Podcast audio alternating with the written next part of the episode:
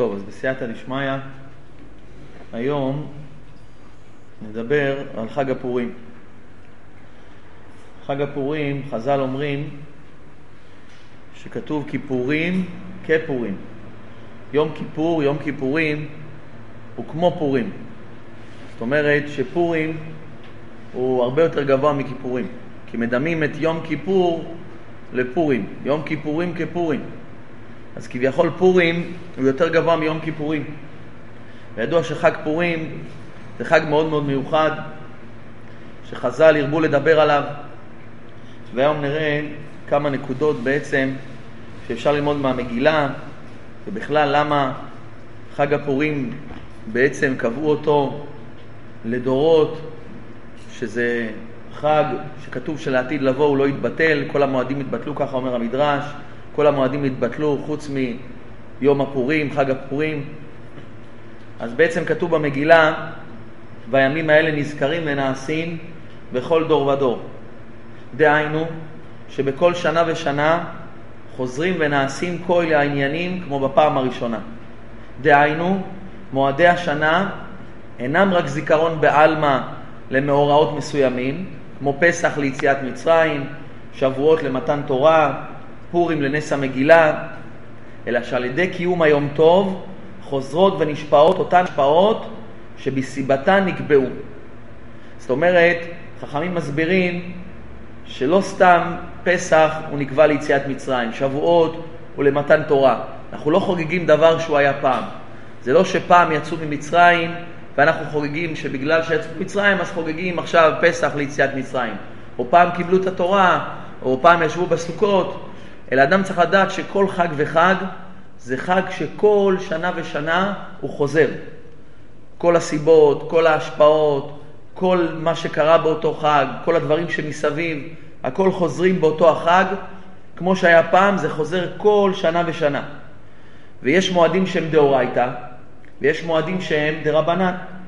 אז בעצם מועדים שהם דאורייתא, הקדוש ברוך הוא קבע אותן בזמן שיש בהם הערה מיוחדת. וההערה הזאת, כמו פסח, פסח זה דאורייתא.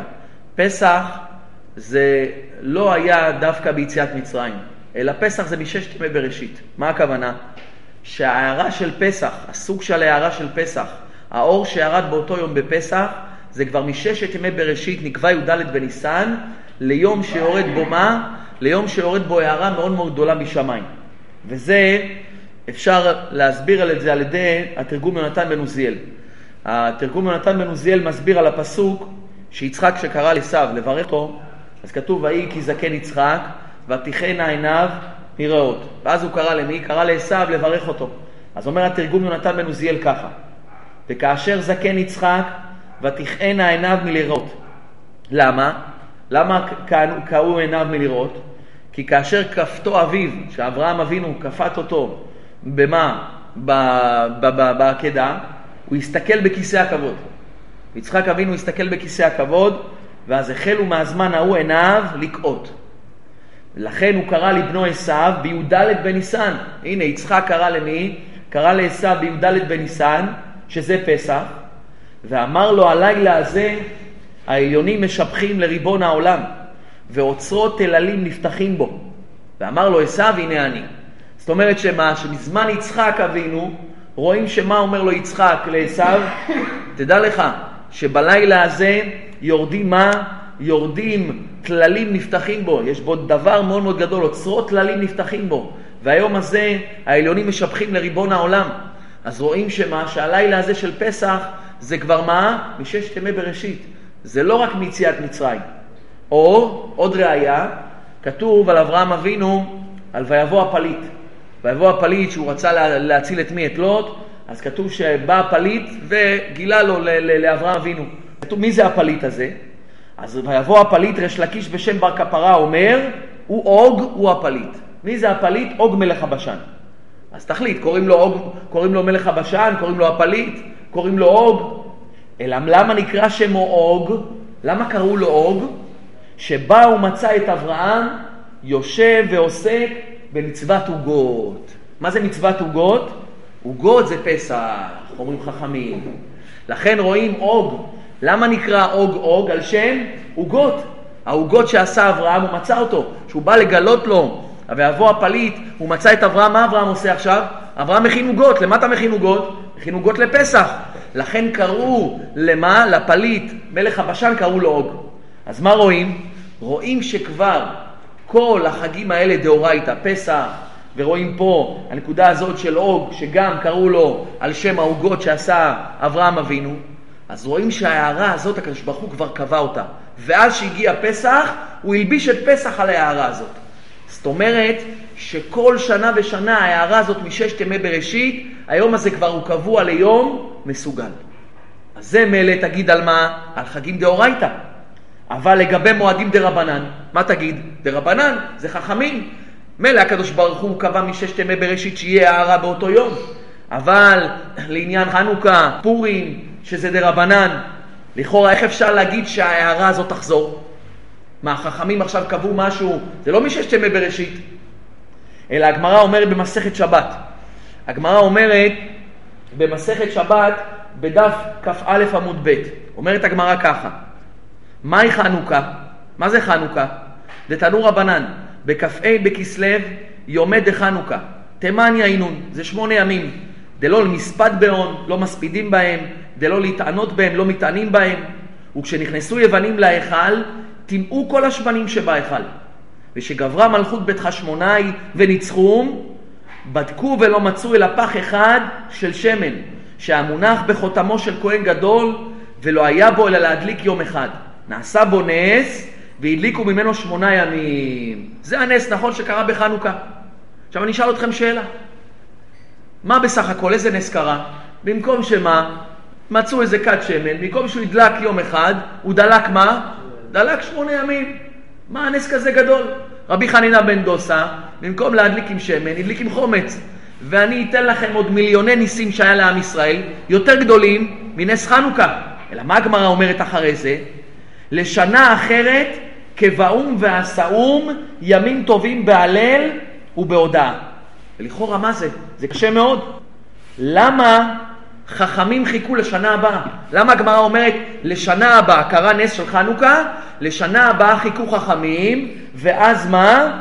הם קבעו כבאום חכמים שזה יהיה עכשיו מה חג. למה? תקבע את זה באותו שנה. למה אתה מחכה לשנה הבאה? אלא לשנה הבאה באותו תאריך, חכמים רצו לראות האם תתגלה אותה הערה, אותה הערה בתאריך הזה, לא סתם קובעים חג.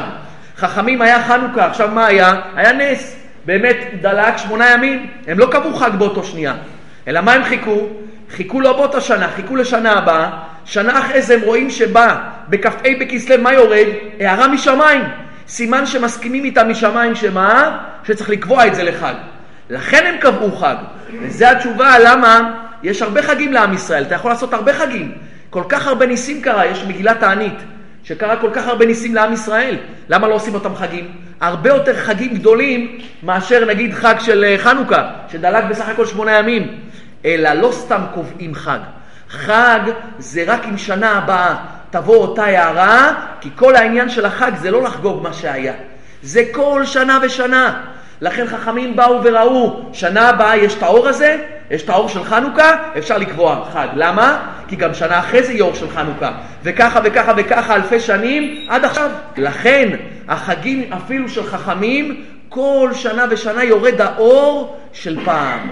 ולכן חכמים כל הזמן חיכו לשנה אחרת כבאום. בשביל לראות אם אותו אור ירד משמיים. ואז אם יתגלה אותו אור, סימן שמשמיים צריך לקבוע אותו לחג. כי מעכשיו כל שנה ושנה תתגלה ההערה הזאת. וזה הכוח העצום שניתן לחז"ל ממש לשנות דברים. רואים שחז"ל מה? חכמים מה? חכמים שינו סדרי בראשית. מילא הקדוש ברוך הוא קבע מששת ימי בראשית שיהיה הערה של י"ד בניסן. אבל רואים חכמים שעל חנוכה ופורים, הם קבעו, לא מה שקדוש ברוך הוא כביכול קבע, הם קבעו עכשיו, אנחנו רוצים לקבוע חג, שיהיה הערה כל שנה, שיהיה אור גדול כל שנה. הוא שנה אחרי זה הסכים איתם.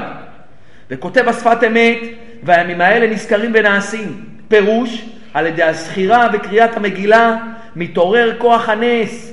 וזה שכתוב לעשות אותם ימי משתה ושמחה. כשאתה קורא את המגילה, אתה מעורר את כל הנס עוד פעם. וזה שנאמר במגילה לעשות אותם ימי משתה ושמחה. שעל ידי המצוות שבפורים נעשים הימים ימי משתאה, ומתגלה בהם שפע הקדושה ואור הניסים. ובאמת אותו דור הוציאו את זה מכוח אל הפועל, שכתוב במגילה, ועשות אותו, ועשו אותו יום משתה ושמחה. משמע שלפי שעשו אותו יום משתה, שהיה שמחתם לשם שמיים, ושמחו בקדושת שמו יתברך, שנתקדש, ומצווה שקיבלו בשמחה, עדיין עושים אותו בשמחה. וכמו כן אומר השפת אמת היום, כפי מה שמקבלים הימים בשמחה לשם עבודת הבורא, כך מאירים הימים. וזה שכתוב, וקיבל היהודים את אשר החלו לעשות. הם התחילו מה? זה היה התחלה לכל הדורות. ואומר המדרש, המגילה הזאת, ככה אומר המדרש, אין נאמרה מפי בדין, אלא מסיני נאמרה. כתוב במדרש שהמגילה כבר מסיני נאמרה. איך? אלא שאין מוקדם ומאוחר בתורה. ומניין שהסכים הקדוש ברוך הוא עליהם? רב אמר, אומר המדרש רב אמר, קיימו וקיבלו היהודים. לא כתיב קיימו וקיבלו, אלא איך כתוב? וקיבל. למה ביחיד? שהקדוש ברוך הוא קיבל את זה. הקדוש ברוך הוא, כתוב במגילה קיימו וקיבל. קוראים את זה קיבלו, אבל כתוב מי שהסתכל קיבל. למה קיבל? אומר רב במדרש, תדע לך, הקדוש ברוך הוא הסכים איתם. הקדוש ברוך הוא הסכים עם חכמים, הם קבעו תהיה הערה עכשיו כל שנה, הקדוש ברוך הוא בא אמר, אני מסכים איתכם. לכן אומר השפת אמת, כל שנה ושנה, שאתה חוגג את חג הפורים, וחוגג את חג החנוכה, וקורא מגילה, ומשלוח מנות, ומתנות לעליונים, כל מה שאתה עושה בפורים, זה יורד כל שנה ההערה הזאת. ואתה יכול מה? למשוך מההערה הזאת אור גדול לכל השנה. ובעצם הנס של פורים, סיפור המגילה, הוא היה בתקופה שלאחר חורבן בית המקדש הראשון. בית המקדש הראשון נבנה על ידי שלמה המלך. נשאר קיים כמה? 410 שנים. בעוונותינו הרבים הקדוש ברוך הוא החריב את בית המקדש. על ידי מי? על ידי מלכות בבל, שבראשה עמד מי? נבוכדנצר. אך עדיין היו בטוחים עם ישראל, מה? שכעבור 70 שנה הקדוש ברוך הוא יגאל אותם ותכלה מלכות בבל. למה? שהרי ככה אמר להם הנביא ירמיהו. הנביא ירמיהו בפרק כ"ה אמר להם ככה: והייתה כל הארץ הזאת לחורבה לשמה, ועבדו הגויים האלה את מלך בבל שבעים שנה. אומר הנביא ירמיהו, תדע לך, הוא ניבא להם, הקדוש ברוך הוא בהתחלה אומר להם, אני הבאתי לכם נביאים, הבאתי לכם מה? את עבדי הנביאים, ולא הטעתם את אוזניכם לשמוע, לא הקשבתם לנביאים, שתשיבו מה מהדרכים שלכם הרעות. לכן מה? אומר הנביא ירמיהו, הוא ניבא להם לעם ישראל, והייתה מה? הייתה כל הארץ, כל ארץ ישראל יהיה מקום חרב, ואז העמים ושכניהם וגם אתם השתעבדו למי? לנבוכדנצר מלך בבל במשך 70 שנה. לכן מה הנביא ירמיהו אמר להם? שהם 70 שנה יהיו בגלות. לכן היו בטוחים עם ישראל שמה? שאחרי 70 שנה הקדוש ברוך הוא מה? יגאל אותם. ואחרי נבוכדנצר מלך 40, 45 שנה. ואחריו בנו אוויל מרדוך, הוא גם מלך 23 שנה. ביחד זה 68 שנה. אחריו בא מי? הבן שלו, בלשצר. בלשצר, אחרי 68 שנה, זה שנתיים בדיוק מה? שצריך לבוא מה הגאולה של עם ישראל. ואחריו זה הבן בלשצר, הוא התחיל למלוך, אחרי 68 שנה לגלות. ואז כעבור שנתיים, למלכותו של בלשצר, הייתה מלחמה קשה בינו לבין מלכות מדי ופרס. הייתה מלחמה קשה בינו לבין מלכות מדי ופרס. בראש של מלכות מדי ופרס עמדו דריווש וחתנו כורש. עכשיו, לפי מה שירמיהו ניבא, מי צריך להפסיד במלחמה עכשיו? בלשצר. כי מלך בבל, אומר הנביא ירמיהו, 70 שנה תהיו עבדים למלך בבל, אבל אחרי זה די, כשברוך הוא יגאל אתכם. במלחמה הזאת מי ניצח? בלשצר. מלך בבל, הנכד של נבוכדנצר. ואז אמר בלשצר לעצמו, מה הוא אמר? הנה מלאו כעת מה בדיוק? 70 שנה למלכות בבל. ולפי נבואתו של ירמיהו הנביא, הייתה מלכות בבל מה אמורה? אמורה ליפול במלחמה. והנה קרה מה? הפך גמור. דווקא ביום הזה ניצחנו. אז מה הגיע בלשצר למסקנה? אמר שחס ושלום מה? העבודת אלילים שלו ניצחה את מי? את הקדוש ברוך הוא. הנה הנביא ירמיהו מה אמר? אחרי 70 שנה, הקדוש ברוך הוא שלהם יגאל אותם. הנה עבר 70 שנה, אני במלחמה הזאת נגד מדי ופרס הייתי צריך להפסיד, הנה ניצחתי. למה ניצחתי? סימן שחס ושלום האלוקים שלנו ניצח את אלוקי ישראל. ולכן מה עשה בלשצר? בלשצר הרשע מה עשה? עשה משתה של שמחה והוללות לעבודה זרה, והביא את כל כלי המקדש בשביל להשתמש בהם, להראות שחס ושלום מה?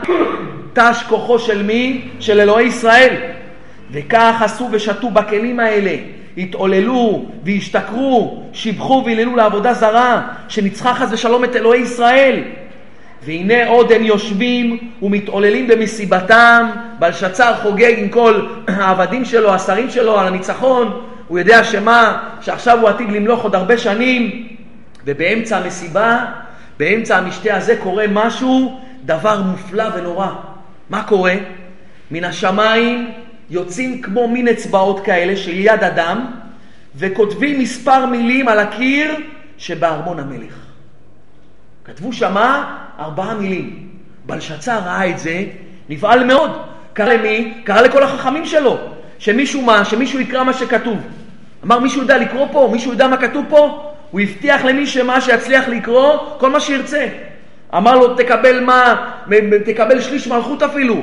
תקבל מה שאתה רוצה, רק מה? תפתור לי מה? תפתור לי מה כתוב. כל חכמי בבל נכנסו, אף אחד מה? לא יודע מה כתוב. פתאום נכנסה מי? סבתא של בלשצר. אשתו של מי? של נבוכדנצר. אשתו של נבוכדנצר, הסבתא של בלשצר נכנסה, אומרת למלך בלשצר, לנכד שלה, אל תיבהל, תדע לך, יש לך איש בממלכה אשר רוח השם בקרבו, וחוכמתו כחוכמת המלאכים. וסבא שלך נבוכדנצר מאוד העריך אותו, ומינה אותו לשר על כל השרים והיועצים שלו. והשם שלו מה? דניאל. תדע לך, סבא שלך, נבוכדנצר היה מאוד אוהב אותו, היה עוזר לו מאוד דניאל. ותדע לך שהוא בטוח יכול מה? לעזור לך לפתור את החיטה שלך, לפתור את החידה שלך. מיד הזמין בלשצר מי? את דניאל. אמר לו, אתה דניאל, ששמעתי את שמעך מקצה העולם ועד קצה העולם, שיש בך חוכמה יתרה ורוח אלוקים. תדע, אמר לו, אם תפתור לי את החידה, אכבד אותך בכבוד גדול, ובשליש מלכותי תמלוך. כך הוא מבטיח לו. אמר לו דניאל, תקשיב, את המתנות שלך תיתן לאחרים. לא איש מתנות, אנוכי. אני לא בשביל מתנות. אך דע לך, כי פתרון חידתך הוא. תדע לך, אני אפתור לך עכשיו את החידה. השם יתברך לסבא שלך נבוכדנצר נתן גדולה גדולה, וחיזק אותו. ותדע לך שהוא העלה, העלה אותו מעל כל העמים. אבל הוא התגאה על הקדוש ברוך הוא. אחרי שהקדוש ברוך הוא נתן לו לשלוט על כל העולם, וכל העמים פחדו ורעדו למוצא פיו. תדע לך, הוא התגאה ורם לבבו על הקדוש ברוך הוא, והיה מרשיע בדרכו. לכן מה החליט השם לעשות לו, לסבא שלך? להשפיל אותו. ומה הוא עשה לו? איזה השפלה? הוריד אותו מגדולתו והפך אותו לאיפה? הפך אותו למה? לחיית הארץ. הפך אותו לחיה במשך שבע שנים.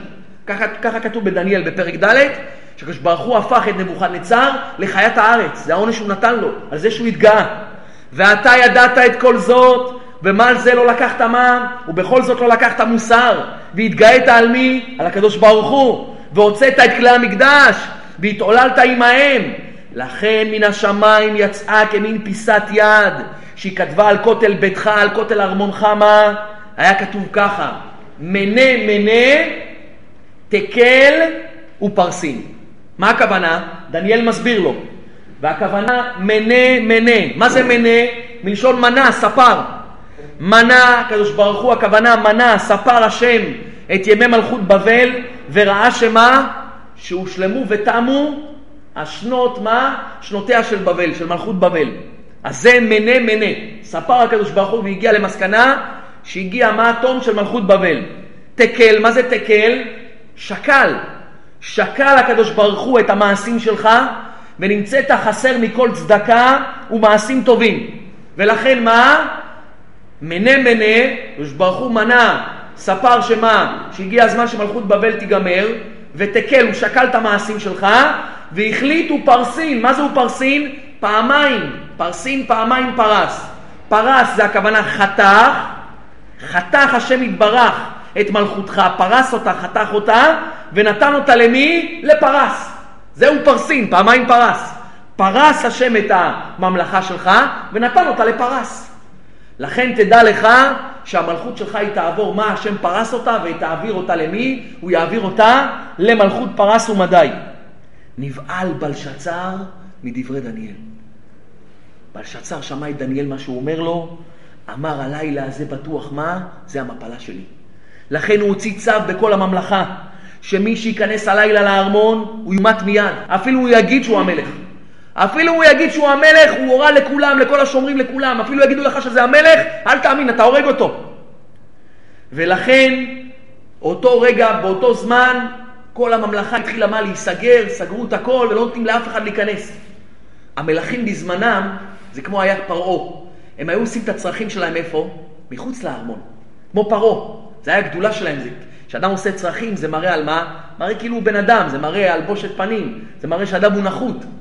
לכן המלכים האלה הגדולים, כמו פרעה, גם בלשצר, היו עושים את הצרכים שלהם מחוץ לארמון. בלשצר, באותו לילה היה צריך לעשות צרכים, ואז מה? יצא מחוץ לארמון. ובנס כזה גדול, אף אחד לא שם לב לזה. וכשהוא רצה לחזור מה? כשהוא רצה לחזור, ראה אותו מי? אחד השומרים, הרגיש בו, ותפס אותו, כדי להרוג אותו. התחיל בלשצר מה לצעוק? אני המלך, אני המלך! אך לפי פקודתו, אף אחד לא הקשיב לדבריו, והרגו מיד. הרגו את בלשצר המלך. אחד מעבדי המלך, שראה שמה? כי מת המלך, הבין שבוודאי יתקיימו דברי דניאל. ומלכות מדי הוא פרס, כורש ודריווש יעלו לגדולה. הוא היה חכם העבד הזה. אמר, מה אני אעשה? מה אני אעשה? בשביל להינצל מהם, החליט ללכת למי? לכורש ודריווש, לספר להם. כי מי? כי מת בלשצר. מיד ששמעו את זאת, באו כורש ודריווש אל הארמון, וציוו את חייליהם להרוג את כולם, כולל משפחתו של בלשצר. עכשיו, באותו זמן, הבת של בלשצר, ישנה בארמון, והתחילה לשמוע מהומות, והיא רצה מיד מלמי? לכיסא של אבא שלה. מי זה אבא שלה? בלשצר. הייתה בטוחה שמי זה? אבא שלה, בלשצר. אבל היא מסתכלת, היא רואה מה? היא רואה את מי? היא רואה את מי? את דריווש. היא רואה בעצם מה? שזה לא אבא שלה. ומי זאת הייתה הבת של בלשצר? ושתי. ושתי הייתה מה? היא הייתה באותו זמן בגיל 12, ובאותו זמן שהיה את המהומה ואבא שלה מת, היא רצה מיד לכיסא, ואז היא ראתה את מי? חשבה שזה אבא שלה. אבל היא נפלה לרגליו של מי? של דריווש, שסבורה היא זה שזה אביה. שראה אותה דריווש, ריחם עליה. הוא הרג את כל המשפחה של בלשצר, חוץ מהבת שלו, שזו ושתי, ושתי המלכה. ולקח אותה איתו. ואז שהוא ראה את זה, כורש ודריווש ראו את זה, הוא ראה שמה, שקדוש ברוך הוא עשה כזה דבר גדול ונתן לו כביכול מה? את המלכות, הוא נדר נדר שמיד שישב על כיסא מלכותו יצווה לבנות את מה? את בית המקדש. ולהחזיר לשם את כלי המקדש.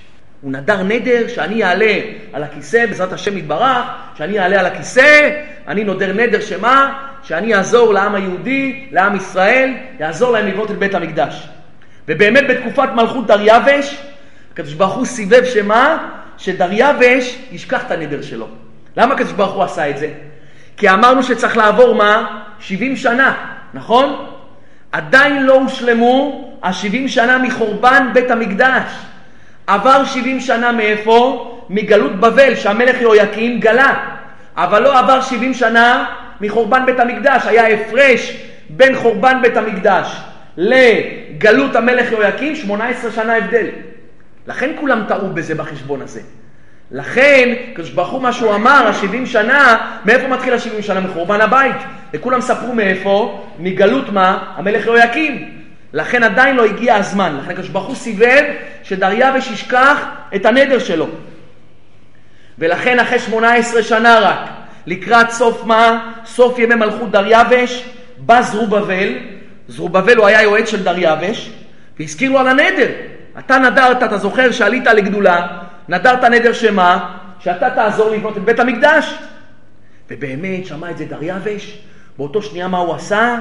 הוא מיד הביא את החתן שלו כורש, והמליך אותו תאב, ואמר לו, תשמע, אתה אחראי על בניין בית המקדש, אני מצווה אותך. ואכן כורש, בשנה הראשונה למלכותו, הוציא כרוז בכתב ובעל פה, לכל יהודי ממלכ... ממלכתו שיקומו ויעלו לירושלים לבנות את בית המקדש. זה מה שכתוב בעזרא בפרק א', ובשנת אחת לכורש מלך פרס לכלות דבר אדוני, הכוונה שמלאו שבעים שנה, כמו שניבא ירמיהו הנביא, האיר אדוני את רוח כורש מלך פרס. עורר השם את רצון בכורש מלך פרס, ויעבר כל בכל מלכותו, ציווה להכריז בכל מלכותו, וגם במכתב לאמור. זאת אומרת, גם הכריז וגם באמצעות מכתבים.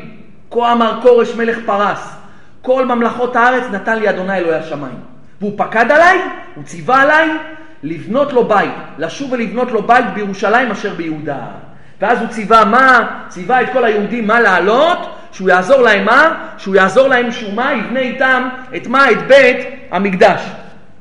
ואכן בשנה הזאת עלו לירושלים 42,360 יהודים, מלבד נשים וטף. והמלך כורש בעצמו הוציא אף הוא את כל כלי בית המקדש, אשר לקח נבוכדנצר, 5,400 כלים, והביא אותם למי? לדניאל. ובאמת עלו מה? עלו היהודים לירושלים, ואף בנו מזבח. לפני בכלל שהם בנו את בית המקדש, מותר לבנות מזבח. בנו מזבח, וחגגו את חג הסוכות עם מספר קורבנות, והיה שם שמחה גדולה, והם התחילו לבנות את היסודות של בית המקדש. אבל הגויים ששכנו מה? שכנו באזור, התחילו לעשות בעיות. העיניים שלהם היו צרות מאוד על עם ישראל, והם התחילו מה? לעשות כל מיני תחבולות להשבית את מלאכת הבנייה. וכך הושבתה הבנייה בימי מלכות כורש. באמת, הגויים התחילו לעשות בעיות, ובמלכות כורש רק התחיל היסודות של בית המקדש, ועדיין לא מה? לא נבנה. אחרי שלטון כורש עלה מי? אחשורוש. זה אחשורוש של המגילה. עלה מי אחשורוש. ולכן רצו צוררי ישראל, אמרו עכשיו אחשורוש הזה עלה, עכשיו אנחנו נשבית את מלאכת בית המקדש לגמרי, שזה יהיה רשמית. לכן כתבו לאחשורוש בעצתו של מי? של המן, איגרת שטנה על יושבי יהודה וירושלים. ואחד מכותבי האיגרת היה מי? שמשי הסופר. מי זה היה? הבן של המן. ומה הם כתבו לו? המן אמר להם תכתבו ככה, תכתבו לאחשורוש, למלך אחשורוש, שלא כדאי לו מה לתת ליהודים לבנות שם, את אנשי יהודה וירושלים לבנות את בית המקדש, כי העיר ירושלים היא עיר בעייתית. כשהוא יסתכל לאחשורוש הוא יראה שהעיר הזאת הרבה פעמים היה בה מלכים כאלה חזקים, והם יבצרו לו מה? יבצרו לו את העיר ולא יעלו לו מס ויעשו לו בעיות. הוא יסתכל שיראה שהעיר הזאת היא מה? היא בעייתית. ובאמת אחשורוש פתח את ספר הזיכרונות, הוא מצא כי העיר ירושלים הינה עיר חזקה מתנשאת ומתרוממת, ומלכים חזקים היו בה. אחשורוש מי הוא היה? הוא היה שומר הסוסים של בלשצר. הוא לקח את מי? את הבת של בלשצר, זה ושתי. ושתי היא הבת של בלשצר, ואחשורוש הוא היה שומר סוסים של אבא שלה. ולכן הוא לקח מי? לקח את ושתי, את הבת של בלשצר לאישה. ואף היא אמרה לו, ושתי, הבת של בלשצר אמרה לו, בית שהרסו אבותיי, נבוכדנצר ובלשצר, אתה בא לבנותו? בית שמה? שאבותיי נבוכדנצר ובלשצר הרסו אותו, אתה רוצה לבנות אותו? תדע לך, אתה רוצה לעשות את הפך רצונם של אבותיי? דע שאנוש תיענש. ולכן שלח מיד אחשורוש איגרת לצוררי ישראל, שיבטלו מיד את כל העם ממלאכתם, וכך הושבתה סופית ורשמית מלאכת בניין בית המקדש על ידי אחשורוש. וזה פה עכשיו התחיל סיפור המגילה. אחשורוש נהיה מלך, ואז מה? הוא השבית מה? הוא השבית את כל העניין הזה של מלאכת בית המקדש, ואז התחילה התקופה הזאת, שמתחיל הנקודה של מה? של סיפור המגילה. עכשיו, אם אדם יסתכל בעצם בסיפור המגילה, יש הרבה נקודות במגילה. יש הרבה דרשות, הרבה נקודות שאפשר להוציא מהמגילה, הרבה התחזקות, הרבה מוסר. אבל אפשר להגיד שהנקודה, היום אנחנו נראה את זה בבירור, שהנקודה העיקרית, אם אדם מתבונן על כל המגילה, ואנחנו נראה את זה במגילה אחד על אחד, כל נקודה במגילה אנחנו נראה שכל עניין של חג הפורים זה עניין של אמונת חכמים. כל העניין של המגילה, אנחנו נראה את זה אחד על אחד, שכל העניין של מה? של המגילה, של פורים, של כל מה שזכו, זה בגלל מה אמונת חכמים. כל מה שקלקלו זה אמונת חכמים, וכל מה שהם זכו זה בזכות שהם תיקנו את האמונת חכמים. אז קודם כל צריך לדעת נקודה שהיא יסודית. יש נקודה שבעצם הקדוש ברוך הוא, הוא גילה אותה כבר במעמד הר סיני. נקודה שאדם לא כל כך מתבונן בה. מה המעמד הכי גדול של עם ישראל? מעמד הר סיני, מתן תורה. הקדוש ברוך הוא אומר בפרשת עשרת הדיברות, אומר למשה רבנו, הנה אנוכי בא אליך באה וענן. תדע לך, אני עכשיו עושה מה? עושה התגלות לעיני כל עם ישראל. ואני בא אליך באה וענן. בעבור ישמע העם, בדברי עמך. אני רוצה שכל עם ישראל יסתכל עליך ויראה שאני מדבר איתך. למה? אומר הקדוש ברוך הוא, וגם בך יאמינו לעולם. תדע לך, כל מעמד הר סיני אני עושה למה? חוץ מהעניין של מתן תורה, אנשים לא מסתכלים על זה. הקדוש ברוך הוא אומר לו במפורש, תדע לך, כל מעמד הר סיני אני עושה בעבור ישמע העם בדברי עמך, וגם בך יאמינו לעולם. מה זה וגם בך יאמינו לעולם? משה רבנו ייפטר מן העולם. אומר רש"י, מה זה וגם בך יאמינו לעולם? בך, בנביאים הבאים אחריך. כל הצדיקים שיבואו אחריך. תדע לך למה אני עושה מעמד הר סיני? בשביל שעם ישראל יקנה אמונת חכמים. יראו שאני מדבר איתך, ואז יגידו, תשמע, יש פה מישהו שמעביר את דבר השם, לכן צריך להאמין בו, להאמין באמונת חכמים, ואז הם יאמינו, אומר רש"י, לא רק בך, אלא בכל הצדיקים שיבואו אחרי זה. וכבר אם אדם מסתכל, התורה גם אומרת, מה כתוב? ככל אשר יורוך. הצטווינו לעשות כבר ככל אשר יורוך. מה זה ככל אשר יורוך? אומרים חז"ל, אפילו אומר לך על ימין שהוא שמאל, הוא שמאל שהוא ימין, הווה שומע ומאמין לו. אפילו הצדיק אומר לך מה, הצדיקים אומרים לך מה, דבר שהוא מה, נראה לך ימין. אומרים לך לא, זה שמאל. מה, זה ימין. תעשה שמאל. מה הדבר, מה שמצטווים לשמוע לחכמים, זה לא בדבר שיש בו היגיון. אומרים חז"ל, ככל אשר יורוך, זה אפילו אם נראה לך בלי היגיון.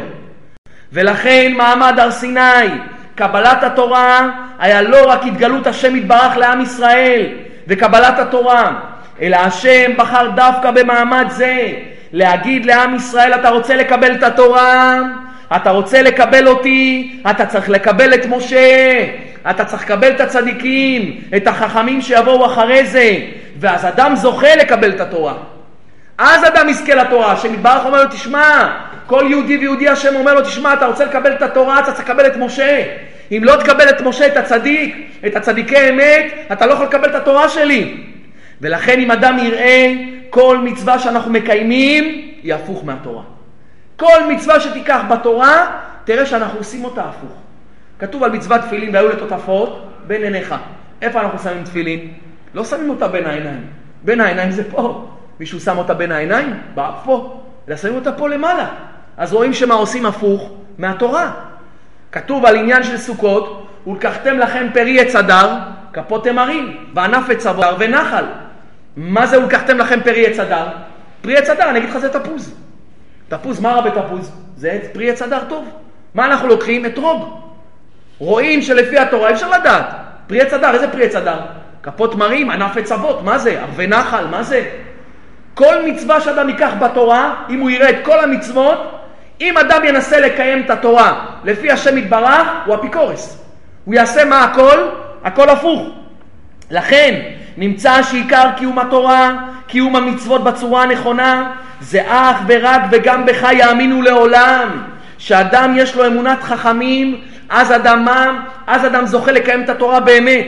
וזה הגמרא אומרת במסכת פסחים. הגמרא אומרת במסכת פסחים, בדף כ"ב עמוד ב', הגמרא אומרת ככה: שמעון העמסוני, ויש אומרים נחמיה העמסוני, היה דורש כל אתים שבתורה. מה זה אתים שבתורה? כתוב בתורה כל הזמן עת, כבד את אביך ואת אמך. למה כתוב כבד את אביך ואת אמך? תגיד כבד אביך ואמך. אלא העת בא לרבות. את אביך לרבות אחיך הגדול. אז ככה הוא היה דורש כל עתים שבתורה. כל מקום שהיה עת, הוא היה מה ודורש את זה על משהו. שהוא הגיע את אדוני אלוהיך תירא, את השם אלוקיך תירא. מה אפשר לרבות לקדוש ברוך הוא? פש. לא יכל לדבר יותר. אמרו לו תלמידיו, רבי, קולטים שדרשת, מה תהיה עליהם? אמר להם, כשם שקיבלתי שכר על הדרישה, כך אני מקבל שכר על הפרישה. זהו, הפסקתי פה. אני אקבל שכר על מה שדרשתי. וגם אקבל שכר על זה שאני לא יודע. פרשתי, לא יודע על מה לדרוש על זה. עד שבא רבי עקיבא ודרש, את אדוני אלוהיך תירא. את מי אפשר לדמות לשם יתברך? אומרת הגמרא לרבות תלמידי חכמים. הצדיקים, את אדוני אלוהיך תירא, זה בא לרבות תלמידי חכמים צדיקים. שמה, אתה מפחד את השם אלוקיך תירא, או אותו דבר הצדיקים. הצדיקים אומרים לך משהו, הנה ראיה מהגמרא זה דבר השם. ויש גמרא גם במסרת כתובות. הגמרא אומרת בדף קי"א עמוד ב', הגמרא אומרת, ואתם הדבקים באדוני אלוהיכם, חיים כולכם היום. צריך לדבוק בשם יתברך, ואתם הדבקים באדוני אלוהיכם. וכי אפשר לדבוק כבשכינה? איך אפשר לדבק בשכינה? אדם יכול לדבק בקדוש ברוך הוא? והכתיב כי אדוני אלוהיך אש אוכלה. השם יתברך זה אש. אלא איך אתה יכול להידבק בשם? אתה לא יכול להידבק בשם. אומרת הגמרא, אלא כל המשיא ביתו לתלמיד חכם. והעושה פרקמט, פרקמטיה, עושה סחורה עם תלמיד חכם. והמענה תלמידי חכמים מנכסיו, מעלה עליו הכתוב כאילו מדבק בשכינה.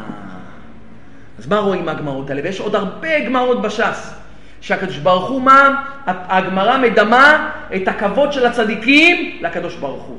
להגיד לך למה וגם בך יאמינו לעולם. זה מה שהשם יתברך.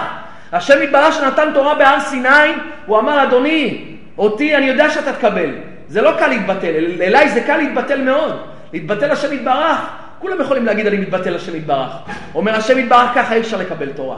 אתה רוצה לקבל תורה אמיתית, וגם בך יאמינו לעולם. אתה חייב לקבל את משה רבנו, את הצדיקים, את הצדיק האמת. אתה חייב לקבל את הצדיקי אמת שיבואו אחרי זה. ואז אדם זוכה באמת, באמת מה? לתורה. לכן הנקודה של אמונת חכמים היא נקודה מאוד בסיסית מה ביהדות. זו נקודה, אפשר להגיד, הכי חשובה. אמונת חכמים זה הנקודה הכי חשובה, היא כזאת שורשית מה? שורשית מה? ביהדות. לכן אם אדם מתבונן, כל סיפור המגילה, עכשיו נחזור לסיפור המגילה, אנחנו נראה שכל סיפור המגילה זה היה אמונת חכמים או לא אמונת חכמים. להאמין לצדיקים, להאמין לצדיק או לא להאמין לצדיק. להאמין למרדכי או לא להאמין למרדכי. שזה אמונת חכמים. ולכן אדם צריך מה? להאמין לצדיקים. אפילו שאומרים שמאל ימין, ימין שמאל, ואנחנו נראה את זה עכשיו במגילה, איך מה, איך מרדכי אומר על ימין שמאל ועל שמאל ימין, וזה כל הבחינה שהיה הניסיון. למה? אחשורוש מה עשה? אחשורוש עושה משתה גדול לכל שריו ועבדיו. במשך כמה זמן? 180 יום. נכון? אחשורוש עושה מה? משתה 180 יום. ואז הוא עורך משתה מיוחד לכל בני העיר שושן למשך שבעה ימים, שאליו הוזמנו כל יהודי העיר שושן. כל היהודים, עשה לכל הממלכה שלו מהודו ועד כוש, עשה לכולם מסיבה 180 יום, אמר עכשיו אני עושה מסיבה מיוחדת, מה? במשך שבעה ימים ליהודי שושן. אחשורוש מתגלה במשתה כאדם נפלא, אדם נדיב לב, מתחשב, לא כופה על אזרחיו את דעותיו, למה כתוב לעשות כרצון איש ואיש. מי נתן לו את העצה הזאת? המן. מה אמר לו המן? המן היה חכם. המן אמר לו, תשמע, אחשורוש, אתה רוצה את עם ישראל להכשיל אותם? תדע לך, הקדוש ברוך, הקדוש ברוך הוא שלהם יש לו בעיה עם דבר אחד. אמר לו, מה? הקדוש ברוך הוא שלהם יש לו בעיה עם זימה. יש לו בעיה עם זימה. הוא שונא פגם הברית. הוא אצלו זימה זה דבר שהוא שונא.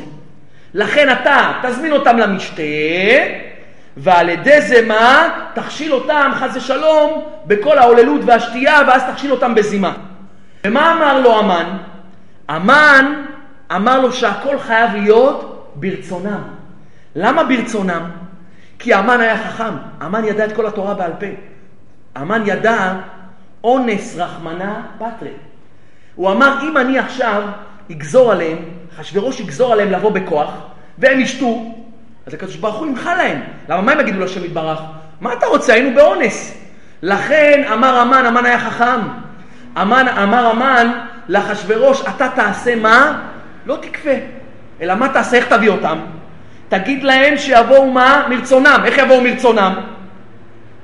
שתגיד להם, אני מביא לכם הכל מה? הכל כשר. אני מכבד אתכם. עשיתי משתה לכל העמים פה? אלה אוכלים לא כשר. אבל אם אתם יהודים, אני יודע שאתם אוכלים רק בד"ץ. הביא להם בד"ץ הזה, בד"ץ הזה, בד... אתם אוכלים בד"ץ הזה, ניתן לכם בד"ץ הזה. אתם רוצים שתייה כזאת, לפי, ה... לפי ההשגחה הזאת, נותן לכם את ההשגחה הזאת. הכל אמר להם מה? הכל כרצונם. הארי הקדוש אומר שהמן היה רואה מה שנעשה בעולם האצילות. הייתה לו ראייה של נביאים ורוח הקודש דרך כוחות הטומאה.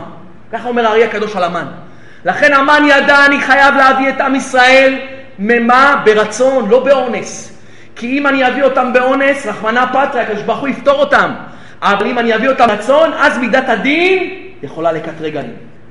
לכן היהודים ששמעו את זה, אמרו למה לא? הכל בד"ץ, הכל כשר, יהיה לנו יחסים טובים עם המלך, נבנה איתו יחסים, הוא יבנה לנו ישיבות, הוא יבנה לנו בתי כנסיות, הוא יבנה לנו מקוואות, ייתן לנו כספים, יחזיק אברכים, למה לא? נלך לאחשוורוש, נהיה איתו ביחד. אבל מרדכי הצדיק רואה את כל זה, ואומר לכל היהודים, אל תלכו לאכול בסעודתו של אחשוורוש, שלא הזמין אתכם אלא ללמד עליכם קטגוריה, כדי שיהיה פתחון פה למידת הדין לקטרג עליכם לפני הקדוש ברוך הוא. אומר להם תיזהר מרדכי הצדיק, הצדיק מזהיר אותם. אומר להם תיזהרו, זה לא יחסים. הוא לא רוצה שום יחסים טובים איתכם. הם אומרים לו אבל הכל בד"ץ, הכל כשר, הכל מצוין. מה אתה מבין בכלל? אתה מרדכי היהודי. אתה סגור בארבע אמות שלך, אתה לא מבין כלום. אתה יודע משהו מהחיים שלך? אתה מה אתה מבין? אתה לא מבין כלום. אתה מבין בתהליכים מדיניים? אתה מבין בפוליטיקה? ההפך. עכשיו אנחנו יכולים ליצור קשרים טובים עם המלך, לעומת זאת, אם לא נלך, נפגע במלך. נפגע במלך, ייצור לנו בעיות. מה אתה מבין בכלל? מה הצדיק הזה בכלל מבין? וזה כל אלה לא היו אנשים פשוטים. זה לא רק אנשים פשוטים שאומרים את זה למרדכי, אלא אנשים תלמידי חכמים היו. אנשים גדולים היו באותו זמן. ואמרו לו, מה אתה מבין בכלל? אבל הצדיק יודע, הצדיק יודע שכל זה מה מידת הדין לקטרג על עם ישראל. אבל הנה מה טעות של עם ישראל, של יהודי שושן, שלא התבטלו לצדיק. הם לא התבטלו, התבטלו לצדיק, הם לא, היה להם אמונת חכמים. ואמר רבי ישמעאל, שמונה עשרה וחצי אלף יהודים הלכו לבית המשתן, ואכלו ושתו והשתכרו, והתקלקלו.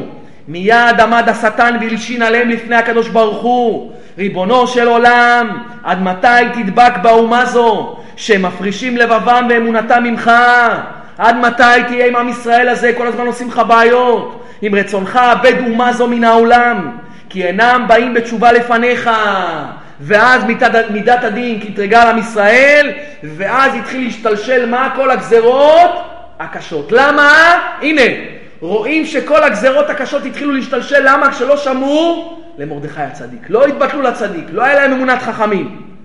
אבל הצדיק מרדכי, מרדכי זה הצדיק. הוא, הוא לא בא אליך בטרוניה, הוא לא כועס עליך. הוא לא כועס שלא הקשבת לו. אלא מרדכי התחיל מה? התחיל להכין תרופה למכה. הצדיק מרדכי התחיל להכין מה? התחיל להכין תרופה למכה. אחרי שבשתי הוצאה להורג, נכון? חיפש אחשורוש מה אישה חדשה. מרדכי הוא היה אחד מהשרים החשובים של אחשורוש.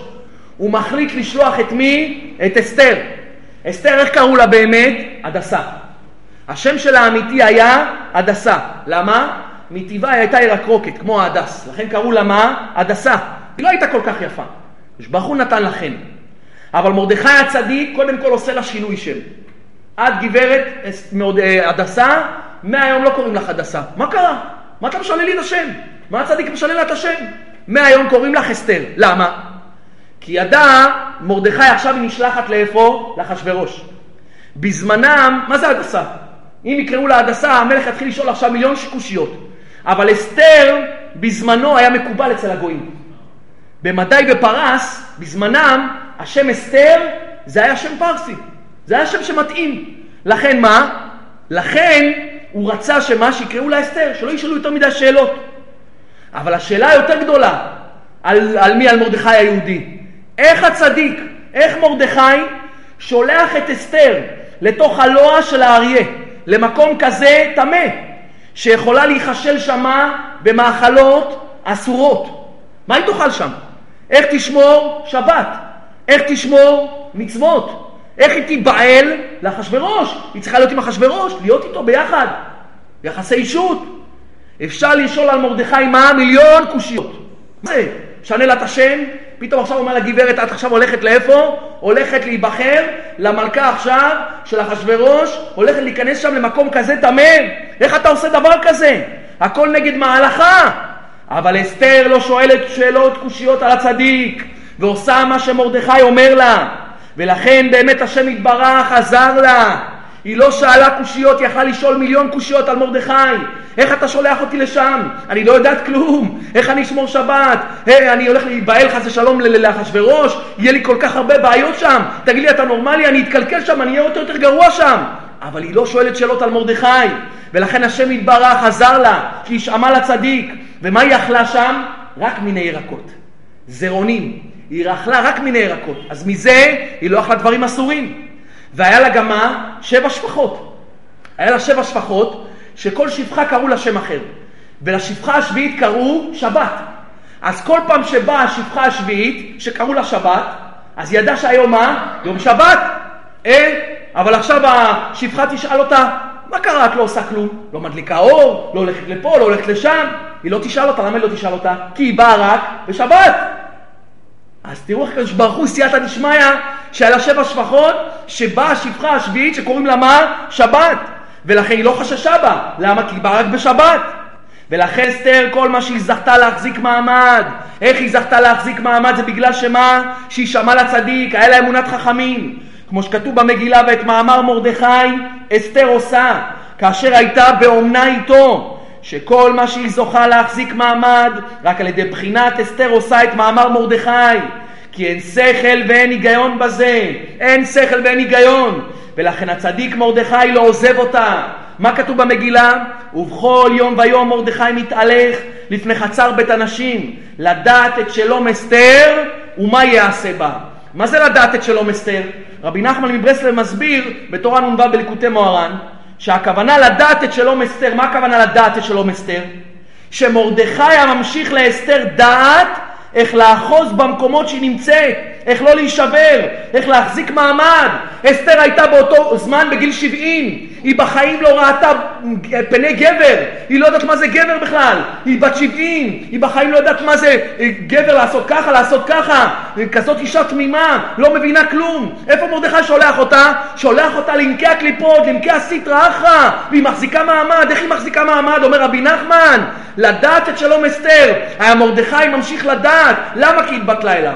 בגלל שהקשיבה לו, הצדיק ממשיך לך דעת כזאת להחזיק מעמד גם בתוך המקומות הטמאים. ולכן צריך לדעת, היה לה ניסיון גדול ואדיר, אבל היא זורקת את השכל, מקשיבה למרדכי, ומקבלת ממנו דעת וכוחות איך להחזיק מעמד. ולכן אפילו אומר הארי הקדוש שהיא לא נבהלה לאחשוורוש, והיה מלמד אותה מרדכי לשלוח שדה במקומה. זה כתוב בעץ חיים בשער מ"ט בפרק ו', זה הלשון שלו. עניין אסתר שהייתה מנחת שדה במקומה ומזדבקת עם אחשוורוש והיא קליפת נוגה, זה קליפת נוגה שלה. מבחינת הרע הנקרא שד. והייתה יודעת היא ומרדכי להשביע השד היצר הרע שלה על ידי השם המפורש שהתלבש בדמות גוף וילך אל אחשוורוש ומשם נולד דריווש הבן של אסתר, זה קליפת נוגה. מה זה נוגה? חצי טוב, חצי רע. מצד הרע שלו הוא היה גוי, אבל מצד הטוב שלו הוא בנה את בית המקדש. אז לכן אומר הארי הקדוש, היה מלמד אותה מה? מרדכי. ולכן, לכן מה? היא לא הייתה באמת מזדווגת איתו, אלא הייתה שולחת מה? שולחת את העץ הרע, את הקליפת נוגה, את השד במקומה. ולכן, אחרי שאסתר באמת נבחרת למלכה, מצווה אותה מרדכי עוד דבר, לא להגיד את עמה ואת מולדתה. וזה דבר שהיה קשה לה עליה ביותר. למה אחשוורוש מה היה עושה? אחשוורוש כל הזמן היה מטריד אותה. תגידי לי, מאיפה את? מי את? איזה עם את? איזה מולדת? מה המשפחה שלך? מה את? מאיפה את? והיה מפציר בה שוב ושוב שתגלה לו. והיא לא מדברת, למה? מרדכי אומרת לה, את לא אומרת כלום. מרדכי אומר לאסתר, את לא מגלה כלום, אבל היא אומרת לו, תשמע, למה שאני לא אגלה? מה הבעיה? אני אגלה לו, הוא כל הזמן מפציר בי. ועוד עכשיו עושה משתה. אומרים חז"ל שהוא עשה משתה במיוחד, בשביל לגלות מה, מי זה המשפחה שלה. למה? כשאדם עושה מש, משתה, אז למכרים שלו, המשפחה שלו, הוא מתייחס. אז אמר אחשוורוש, אני אעשה משתה, ואז אני אראה את אסתר, למי מדברת? עם מי מדברת יותר? עם מי עושה כבוד עכשיו למכרים שלה, שאומרת לו שולחן הכבוד בזה?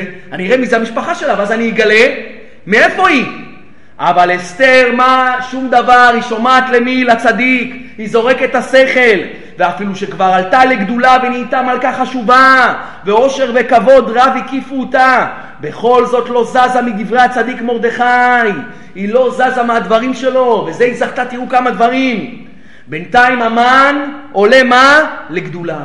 כתוב במגילה, אחר הדברים האלה גידל המלך, אחשורוש, את המן בן המדתה האגגי. וינשאהו, וישם את כיסו מעל כל השרים אשר איתו. זה המן. המן ביום אחד התחיל לעלות ולעלות עד שנהיה המן, נהיה הסגן של אחשורוש. ואז מצווה המן מה? את כל הסובבים להשתחוות לו. כולם משתחוות לו. וכולם מה? מקיימים את דברי המן. חוץ ממי? מרדכי היהודי. כתוב ומרדכי לא יכרע ולא ישתחווה. אומרים חז"ל, מה אומרים חז"ל?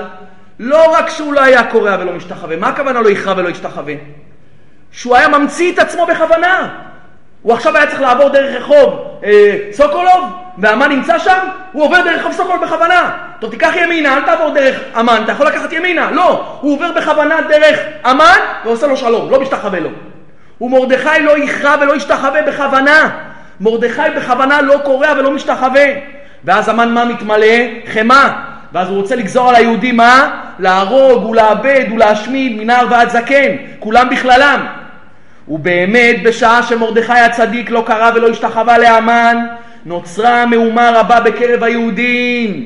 התחילו היהודים לעשות בלאגן למרדכי, הבג"צים, הבד"צים, כל התלמידי חכמים, אומרים לו אתה נורמלי, פסקנו פסק דין שמה, שלפי ההלכה מה, מותר להשתחוות לאמן, כי אדם איננו עבודה זרה.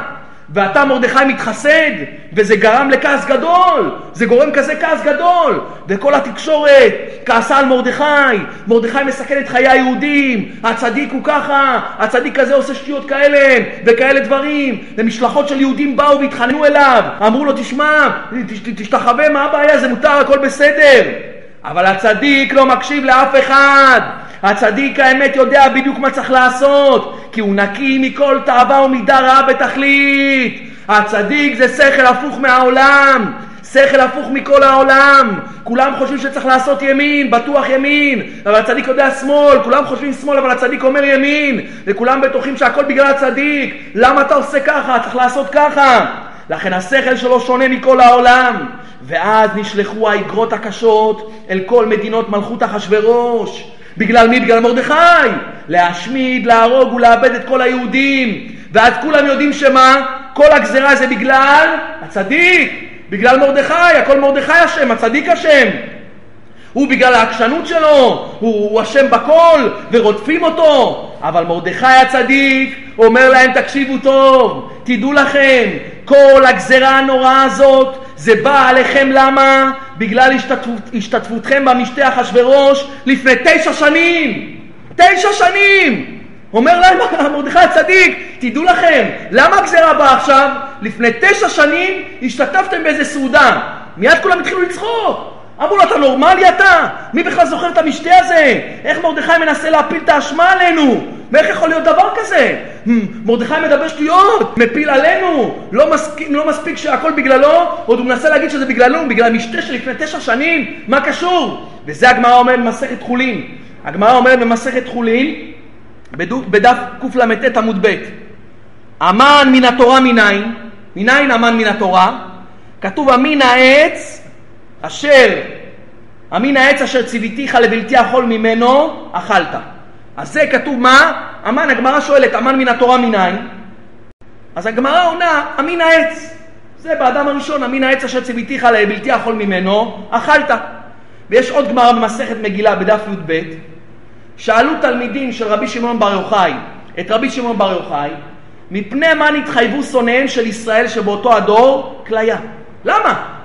למה עם ישראל חס ושלום נתחייב להרוג ולאבד, מנער ועד זקן? אמר להם, אמרו אתם, תגידו אתם. אמרו לו מפני שנהנו מסעודתו של אותו רשע. אז הגמרא במסכת חולין אומרת, אמן מן התורה, מנין? מאיפה אמן מן התורה? מן העץ, עץ הדעת. ושאלו תלמידים את רשב"י, למה עם ישראל חס ושלום קיבל את הגזרה הזאת? אז הם אמרו, בגלל מה? בגלל שאיננו מסעודתו של אותו רשע. וזה כוונת השאלה בגמרא. אמן מן התורה מנין, מה הכוונה? מאיפה היה לאמן כוח לקטרג על עם ישראל? מתרצת הגמרא, אמן מן התורה מנין?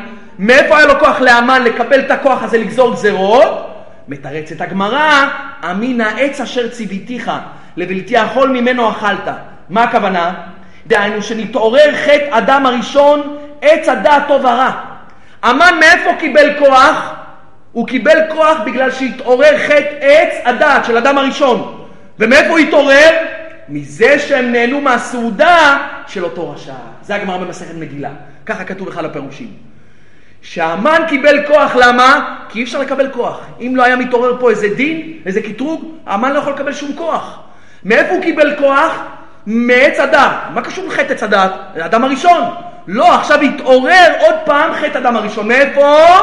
מזה שעם ישראל אכל מאותו סעודה לפני תשע שנים, התעורר חטא אדם הראשון. חטא עץ הדת. ואז זה נתעורר, יש קטרוג על עם ישראל. ולכן, אם תסתכלו במגילה, יעצו החכמים של המן וזרש אשתו. זרש הייתה מכשפה גדולה, הייתה מכשפה מאוד מאוד גדולה. הם מה אמרו לו לעשות? לעשות עץ גבוה חמישים אמה. למה חמישים אמה? תעשה עשרים, תעשה שבעים, תעשה מאה. למה עץ גם? למה בכלל עץ ולמה חמישים? אלא עץ, מה זה עץ? לעורר את חטא אדם הראשון, המן מן התורה מינן, הוא קיבל מאיפה כוח? מחטא עץ הדת. לכן אמר המן, אני אעשה עכשיו עץ. מה אני אעשה באותו רגע? אני אעורר את חטא אדם הראשון שאכל מעץ הדת. ולמה חמישים אמה? אמרו חכמים שהמן היה מכשף ואסטרולוג גדול, וידע, למה חמישים? אם אני אוריד את עם ישראל לשער החמישים של הקליפה, אני יכול להתגבר עליהם. למה? כי במצרים כתוב שהקדוש ברוך הוא זירז את עם ישראל ולא יכלו להתמהמה, מה הקדוש ברוך הוא הוציא אותם? נשאלת קושייה, למה שמתברך לא חיכה? מה, הקדוש ברוך הוא לא יכול לחכות עוד חמש דקות? עוד עשר דקות? עוד יום? מה אתה ממהר את כולם לצאת?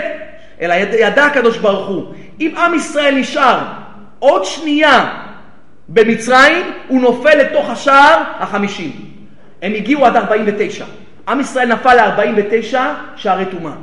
אם במצרים היו מחכים עוד שנייה, הם היו נופלים לאיפה? לשער החמישים. ואז לא היה לעם ישראל חס ושלום, חס ושלום, תקומה. לכן ידע המן, אם אני מפיל את עם ישראל לשער החמישים, עם ישראל יפול לשער החמישים של הטומאה, אז חס ושלום הם לא יוכלו מה? לא יוכלו לצאת משם. לכן ותאמר לו זרש אשתו בכל אוהביו, יעשו עץ גבוה חמישים אמה, ובבוקר אמור למלך ויתלו את מרדכי עליו. הוא פירש בפרי העץ, בפרשת תצווה, כי המן ויועציו חשבו שמכיוון שמשה רבנו לא השיג אלא 49 שערי בינה, אם כן גם מרדכי לא יהיה יכול להשיג את 49 שערי בינה.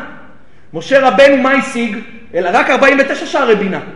לכן מרדכי הוא לא יוכל מה? הוא לא יכול להשיג עכשיו את השער 50. מאיפה הוא ישיג? משה רבנו לא השיג את השער 50. הוא השיג רק את 49 שערי. אז איך את שערי בינה? אז איך מרדכי יזכה לזה? ובשביל להתגבר עליהם צריך מה? לחמישים? שערי בינה, ואין את זה. אם הם יורידו את עם ישראל לחמישים שערי טומאה, אז לא יכולים להתגבר עליהם. לכן יעשו עץ גבוה חמישים אמה, למה? כדי לעורר שער החמישים, ועל ידו ויתלו את מרדכי עליו. כי לא יוכל להתגבר על שער החמישים של טומאה, הוא לא יכול. משה רבנו זכה ל-49, הוא יזכה לחמישים? אם נוריד את עם ישראל לחמישים, אין להם תקומה חס ושלום. אלא שטעו בזה טעות גדולה, כי משה רבנו אמנם לא השיג בחייו שער החמישים, אבל בשעת פטירתו זכה להשיג שער החמישים, ולכן גם מרדכי אומר הפרי עץ, ולכן גם מרדכי יכול להשיג בדרך נס את שער החמישים, כדי להכניע את המן הרשע. וכותב רבי יונתן האלפשיץ, ביערות דבש, חלק א', סוף דרוש ג', הוא אומר ככה: המקובלים אמרו כי מרדכי גלגול וניצוץ משה. הנה, גלגול וניצוץ משה. והמן הוא גלגול איש מצרי שנהרג ממנו, ולכן רצה לנקום נקמתו. ואסתר מי היא? היא ניצוץ בתיה בת פרעה. ולקח לקחה מרדכי לו לבת. ולכן רמז לכך, איש יהודי בגימטריה, 346. משה עם הכולל, זה מה? 346. אז רואים שמה? שמשה רבנו, מה? מרדכי זכה למה? לניצוץ של משה רבנו. ומה אמר המן? אמר המן מה? אני חייב להוריד אותם לחמישים שערי טומאה. אם אני מוריד אותם לחמישים שערי טומאה, הם לא יכולים לקום. אבל באמת הוא לא ידע שעל ידי נס יכול מה? מרדכי לזכות שמשה רבנו, כי זה היה גלגול של משה, ניצוץ של משה, הוא יכול לזכות כי הוא זכה במיטה שלו לשער החמישים. וזה נרמז גם בפסוק במגילה. כתוב בפסוק במגילה, ובבואה לפני המלך, אמר עם הספר, ישוב מחשבתו הרעה, אשר חשב על היהודים, על ראשו, ותלו אותו ואת בניו על העץ. בואו נסביר את הפסוק. ובבואה לפני המלך. מי זה המלך? מלך מלכי המלכים. אמר, ישוב מחשבתו הרעה. של מי? של המן, אשר חשב על היהודים. אשר חשב, חשב בראשי תיבות, ח' ש' ב', חמישים שערי בינה. חשב בראשי תיבות חמישים שערי בינה. ומה? ובבואה לפני המלך, לפני הקדוש ברוך הוא, אמר הקדוש ברוך הוא, ישוב מחשבתו הרעה. איך ישוב מחשבתו הרעה של המן? אשר חשב על ידי חמישים שערי בינה, שנתגלו חמישים שערי בינה. ועל ידי זה ישוב מחשבתו הרעה שחשב על ישראל. כי אמרו חז"ל, כי בשעה שגזר אחשורוש את הגזרה הזאת לכלות את ישראל, רץ אליהו הנביא בבהלה אל אבותינו הקדושים, אברהם, יצחק ויעקב, ואל משה רבנו, ואמר להם השמיים והארץ, וכל צבא השמיים בוכים במר נפש, מפני הגזרה שנגזרה לכלות את ישראל, ואתם יושבים ודוממים? מה קרה לכם? תתעוררו. מה, אתם לא רואים איזה בלאגן יש פה? אמרו לו, מפני מה נגזר עליהם כך? למה נגזר על עם ישראל ככה? אמר להם, מפני שהשתחוו לצלם ואכלו ושתו מסעודתו של אחשורוש, ועתה נמסרו לטבח כדי לאבד שמם מן העולם.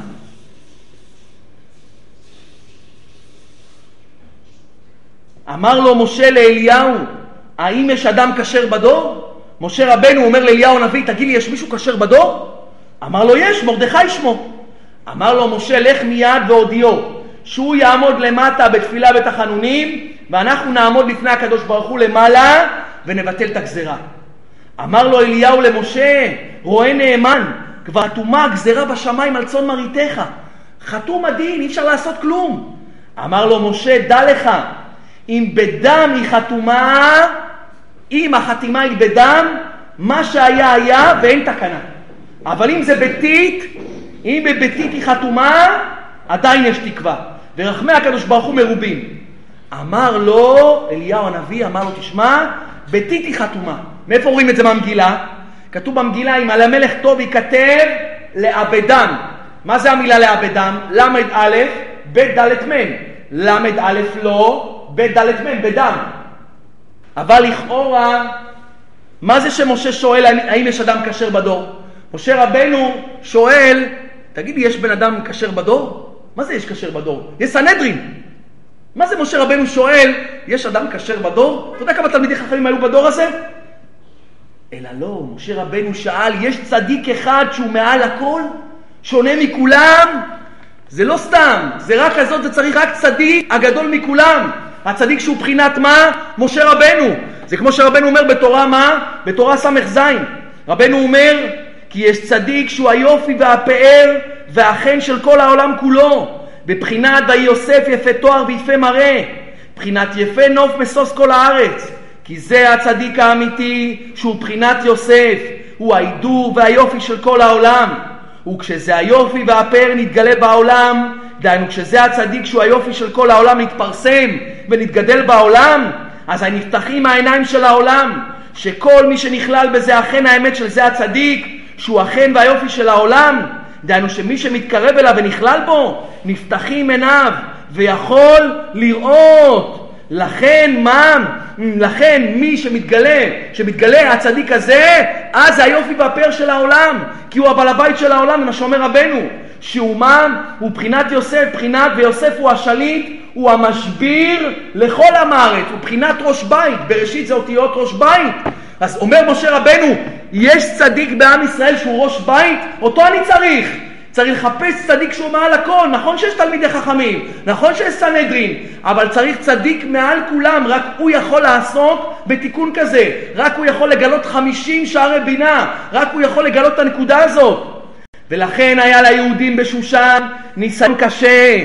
האם להמשיך ולעשות מה שהשכל שלהם אומר, או האם להתבטא לצדיק למרדכי היהודי, וזה היה הניסיון שלהם. האם לזרוק את השכל, לזרוק את החוכמות, את כביכול הדעת תורה שלהם, ולהאמין לצדיק. וכן, גם אסתר עברה את אותו ניסיון.